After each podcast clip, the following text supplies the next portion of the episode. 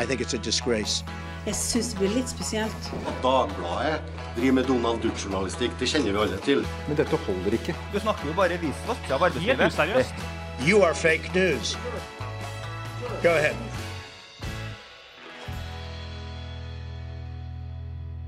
Denne uken starter en omfattende rettssak mot en kulturpersonlighet i Norge som er an anmeldt og siktet for ni tilfeller av voldtekt, ett tilfelle av seksuell omgang med en jente under den seksuelle lavalder og besittelse av narkotika. Og Påstanden er at flere av kvinnene er blitt dopet ned på nachspiel, og at de har vært ute av stand til å sette seg til motverge fordi de enten sov eller var for beruset. Heidi Helene Sveen, du er samfunnsviter og skribent, og du kom nylig ut med boka 'Det var ikke voldtekt', hvor du har fulgt åtte rettssaker om voldtekt. Og du ser nærmere på de ulike fortellingene og forsvaret til de tiltalte, ikke minst. Eh, hva tenker du når du har lest denne tiltalen mot kulturpersonligheten? Det er en uh, uvanlig uh, mange tiltaleposter i den tiltalen, sånn at det er en stor, omfattende sak. Uh, og vi har ikke hatt veldig mange eh, sånne saker med serie og det som er antatt serieovergripere eh, eh, i Norge. Eh, og jeg tenker at det, kanskje det mest alvorlige tiltalepunktet er jo der eh, han er anklaget for å ha hatt seksuell omgang med en, et eh, barn, altså en jente på 15 år. Eh, så dette er veldig alvorlig. Og det er en alvorlig strafferamme og Det er helt seks alvorlig, ja. Så det er, eh, det er, en sak som kommer til å pågå i mange uker fremover, og dere kommer til å lese mye om den i mediene. Og enkelte medier har eh, valgt å si hvem denne kulturpersonligheten er, men her i Dagbladet kaller vi ham i hvert fall foreløpig for kulturpersonlighet eller utelivsprofil. Og vi skal komme tilbake i denne poden om hvorfor vi gjør det. Eh, men i boka di handler sakene om eh, partnervoldtekter og såkalte sovevoldtekter. Er det de vanligste voldtekter? Jeg tror at mange fortsatt har en sånn eh, bildet av at voldtekt er at noen kaster seg over noen ja. i en mørk bakgate, kanskje. Ja. Eh, ja, jeg dekker alle typer voldtekter, eh, nær sagt, i den boka. Også eh, overfallsvoldtekt. Men eh, de fleste voldtektene, de skjer hjemme i, i private hjem av noen offeret kjenner eller har blitt kjent med den samme kvelden. Så det er det mest vanlige. Uh, og disse nachspiel-festvoldtektene, de er ca. i antall like mange som partnervoldtektene. Altså der hvor de involvert er sammen. Denne ja. saken er ganske typisk? Veldig typisk man, ja, sak, ja. Sånn sett. Ja. Eh, er det vanlig med falske anmeldelser? Fordi at uh, denne uh, kulturpersonligheten har slått hardt tilbake og gått til anmeldelse av åtte av kvinnene og sagt, uh, saksøkt dem for falsk vitnemål. Ja, det er veldig uvanlig, og jeg håper ikke det blir en, en trend. Men Falske eh, voldtektsanmeldelser er veldig sjeldent. Vi har ikke veldig mye forskning på det, men i, her i Oslo-distriktet så rapporterer vel politiet at de får inn et par i året eh, som de vet eller avslører er falske, og som da blir avvist. Eh, og så kan da den eh, kvinnen risikere å få en anmeldelse på seg, og, gå, og måtte gå gjennom en rettssak for falsk anmeldelse. Det skjer, det skjer uhyre sjelden. Så eh, dette med eh, disse motanmeldelsene i denne saken tenker jeg kan være en del av en forsvarerstrategi, rett og slett. Mm. Um, jeg håper at Oslo-politiet, uh, som har tatt imot dem og av, eller har henlagt sakene, tenker det, uh, på det vid fremover når de jobber, at hvis dette blir en trend, så må de slå ned på det faktisk. For det kan jo like godt være at den, de anmeldelsene er falske. Altså Altså, denne tiltalte vet godt hva han har gjort, og mm. så anmelder han disse um, kvinnene for falsk anmeldelse. Mm. Uh, og det kan jo heller ikke være uh, noe bra for rettsstaten, tenker jeg. Nei, det er i hvert fall ikke noe som oppmuntrer uh, folk til å gå til anmeldelse hvis du reagerer, reagerer, med motanmeldelse og ja. søksmål. Ja. Så Men en annen ting, da jeg leste boka di, som er veldig fascinerende å anmelde, selv om den er vond å lese. Eh, det, er, det, heter jo voldtekt, altså selve ordet, som inneholder vold. Men det er langt fra alltid snakk om bruk av vold eller fysisk vold. Det er mer sjelden, ja. Eh, I de tilfellene hvor det er eh, eh, Vi kan se at det er en del vold. Det er faktisk relasjonsvoldtekter. Um, der kan man se en del eh, bruk av det man kaller eksessiv vold, da, altså vold som ikke er nødvendig for å gjennomføre voldtekten. Og i overfallsvoldtekter så ser man også det, en, men det trenger ikke være tilfellet. Jeg har sittet i rettssaker og dekka eh, hendelser der hvor eh, det har skjedd en overfallsvoldtekt nesten uten bruk av noe som helst fysisk makt overhodet. For da benytter man eh, seg heller av eh, overraskelsesmomentet og det at en sånn situasjon umiddelbart eh, setter kvinnene i frykt. En frykttilstand, da, så de fryser. Eh, og, og, går med på alt det som de blir bedt om. Eh, rett og slett bare som på automatikk. Fordi de er redd de er for at de kan bli utsatt for vold? Redde for ekstra vold, mm. ja. Og at kanskje i verste fall så frykter de for livet. Sånn at um, Ja. Så det er nyanser i alle sakene. I, og disse typiske nachspiel-voldtektene, så er det veldig, veldig sjelden vold. Og det kan også være sånn at når kvinnene, hvis de drar rett på voldtektsmottaket, så er det vanskelig i det hele tatt for legene der å se fysiske tegn på at det har skjedd noe. Eh, så så lite eh, vold kan være involvert, da. Og her kommer vi jo til nettopp det som er utfordringen i slike saker, at eh, bevisførselen. Hvordan, hvordan uh, fører man bevis i slike ja. saker? Ja. Det er, uh, det er, den store utfordringen. Um, og nå er det jo sånn at vitneforklaringene til de fornærma, det er et bevis. Mm. Det blir regna som et av de viktigste bevisene.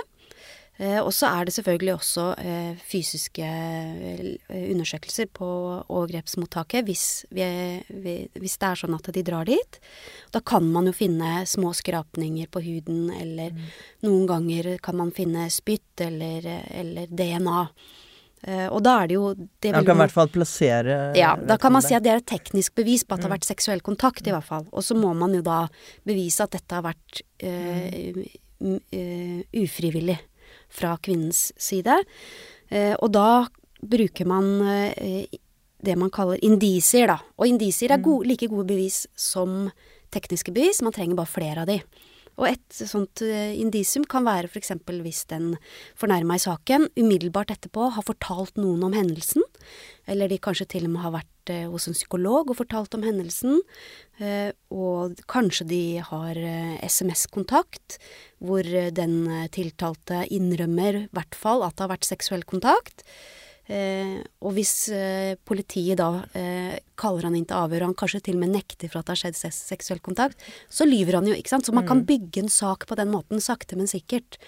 Fordi det er ofte en sånn ganske utbredt misforståelse at det er bare ord mot ord. Ja, men, men ordene er jo nettopp, som du sier, indisier, bevis. Ja, ja. Det er, det, det er veldig sjelden at det bare det eneste man sitter med, er liksom hennes fortelling og hans fortelling. Mm. Og så skal de to liksom slåss i retten. Sånn, det skjer nesten aldri. Det er alltid ekstra eh, omstendigheter og kontekst og så, ja. som man kan hente beviser ut fra. Og så hører det jo med at, uh, at de sakene som kommer så langsomt i retten, der har man en del indisier. Ja. De er gjerne mm. sterke, fordi påtalemyndighetene vil ikke bruke ressurser på en sak de mest sannsynlig regner med ikke vil ende i, eh, i fellelse.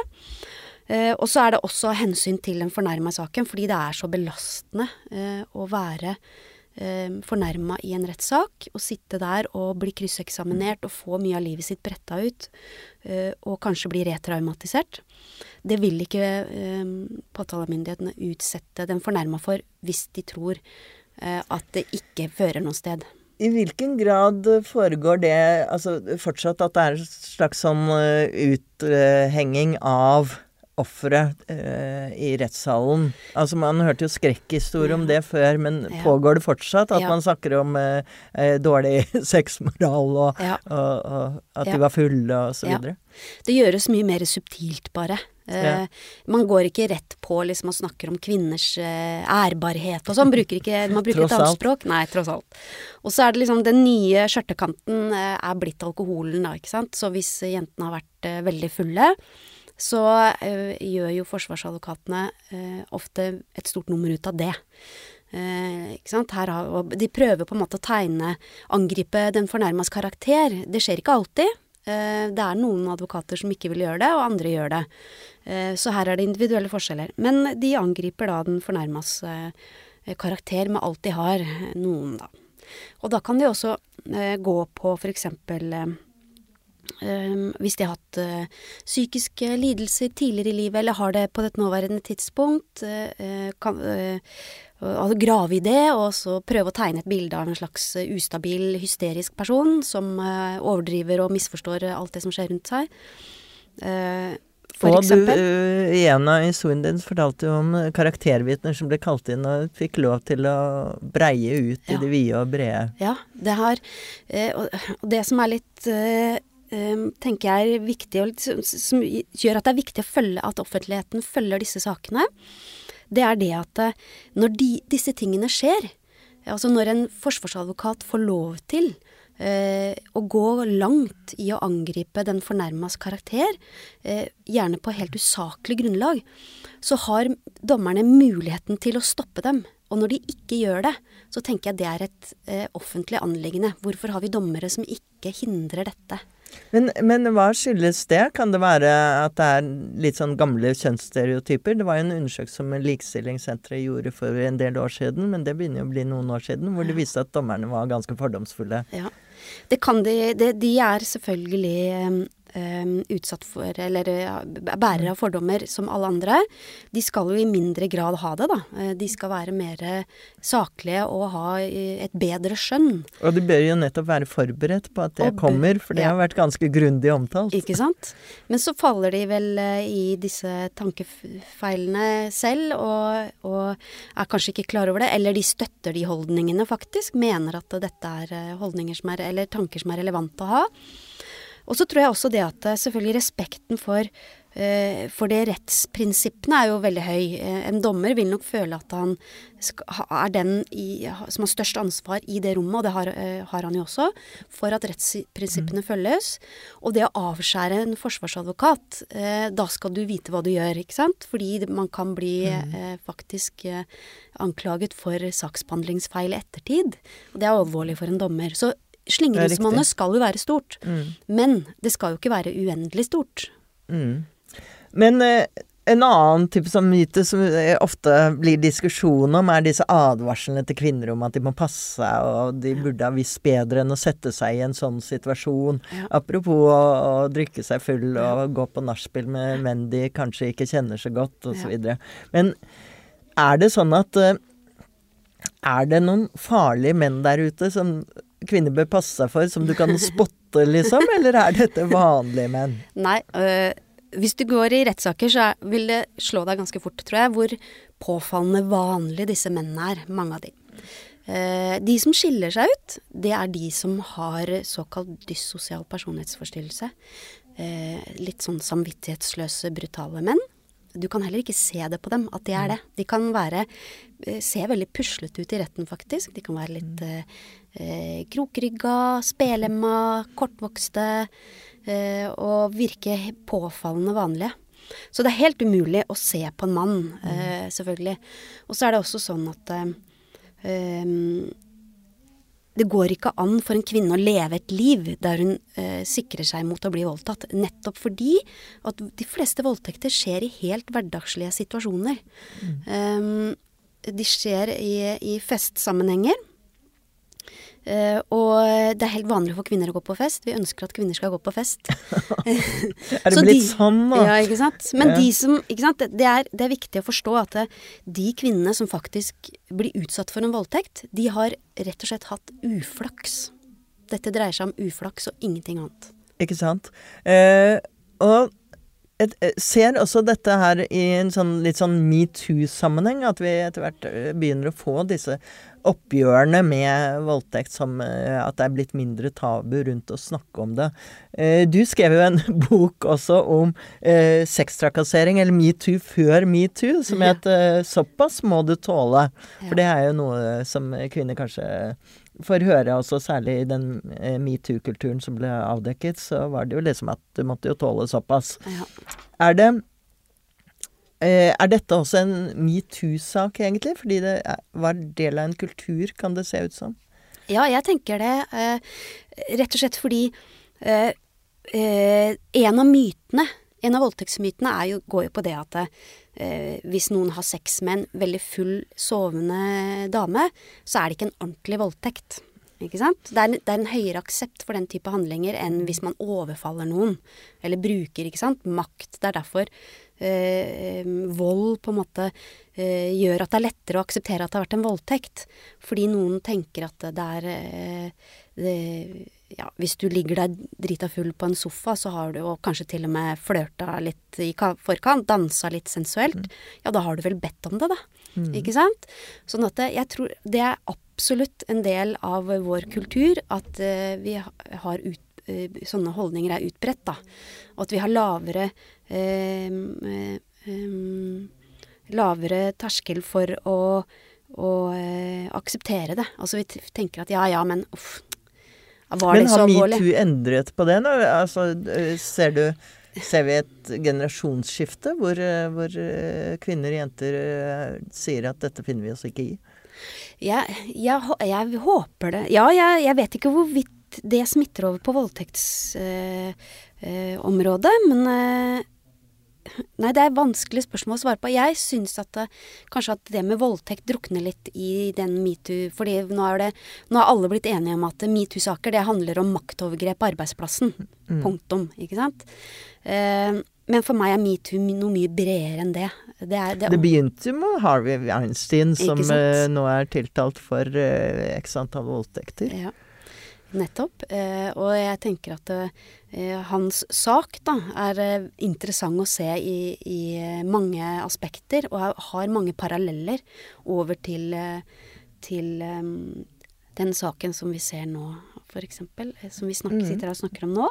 Og det er litt sånn derre Fordi det kan virke som denne kulturpersonligheten, da, eh, har hatt et stort sosialt nettverk, høy status mange bekjentskaper, antageligvis en del fans eller beundrere eller Han var en slags sånn dørvokter som kunne slippe deg inn eller ut? Ikke sant. Han var portvokter, eh, mm. ikke sant, og hadde den rollen.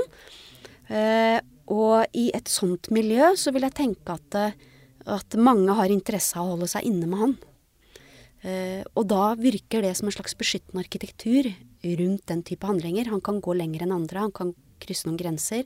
Det er naturlig at han har mye damer rundt seg, eller, eller eh, gir dem oppmerksomhet eh, kanskje eh, på en mer eh, grenseoverskridende måte enn andre. Så ja, jeg tenker at eh, det er viktig at denne saken blir skrevet om, og, og at vi får innsikt i hva som har skjedd her. Da har vi i hvert fall eh, begynt så vidt her i denne podden. Det er satt av åtte uker og 50 vitner, mm. deriblant den tiltalte selv. Så dette blir interessant å følge denne saken. Tusen takk for at du kom, Heidi Len Sveen. Takk for meg.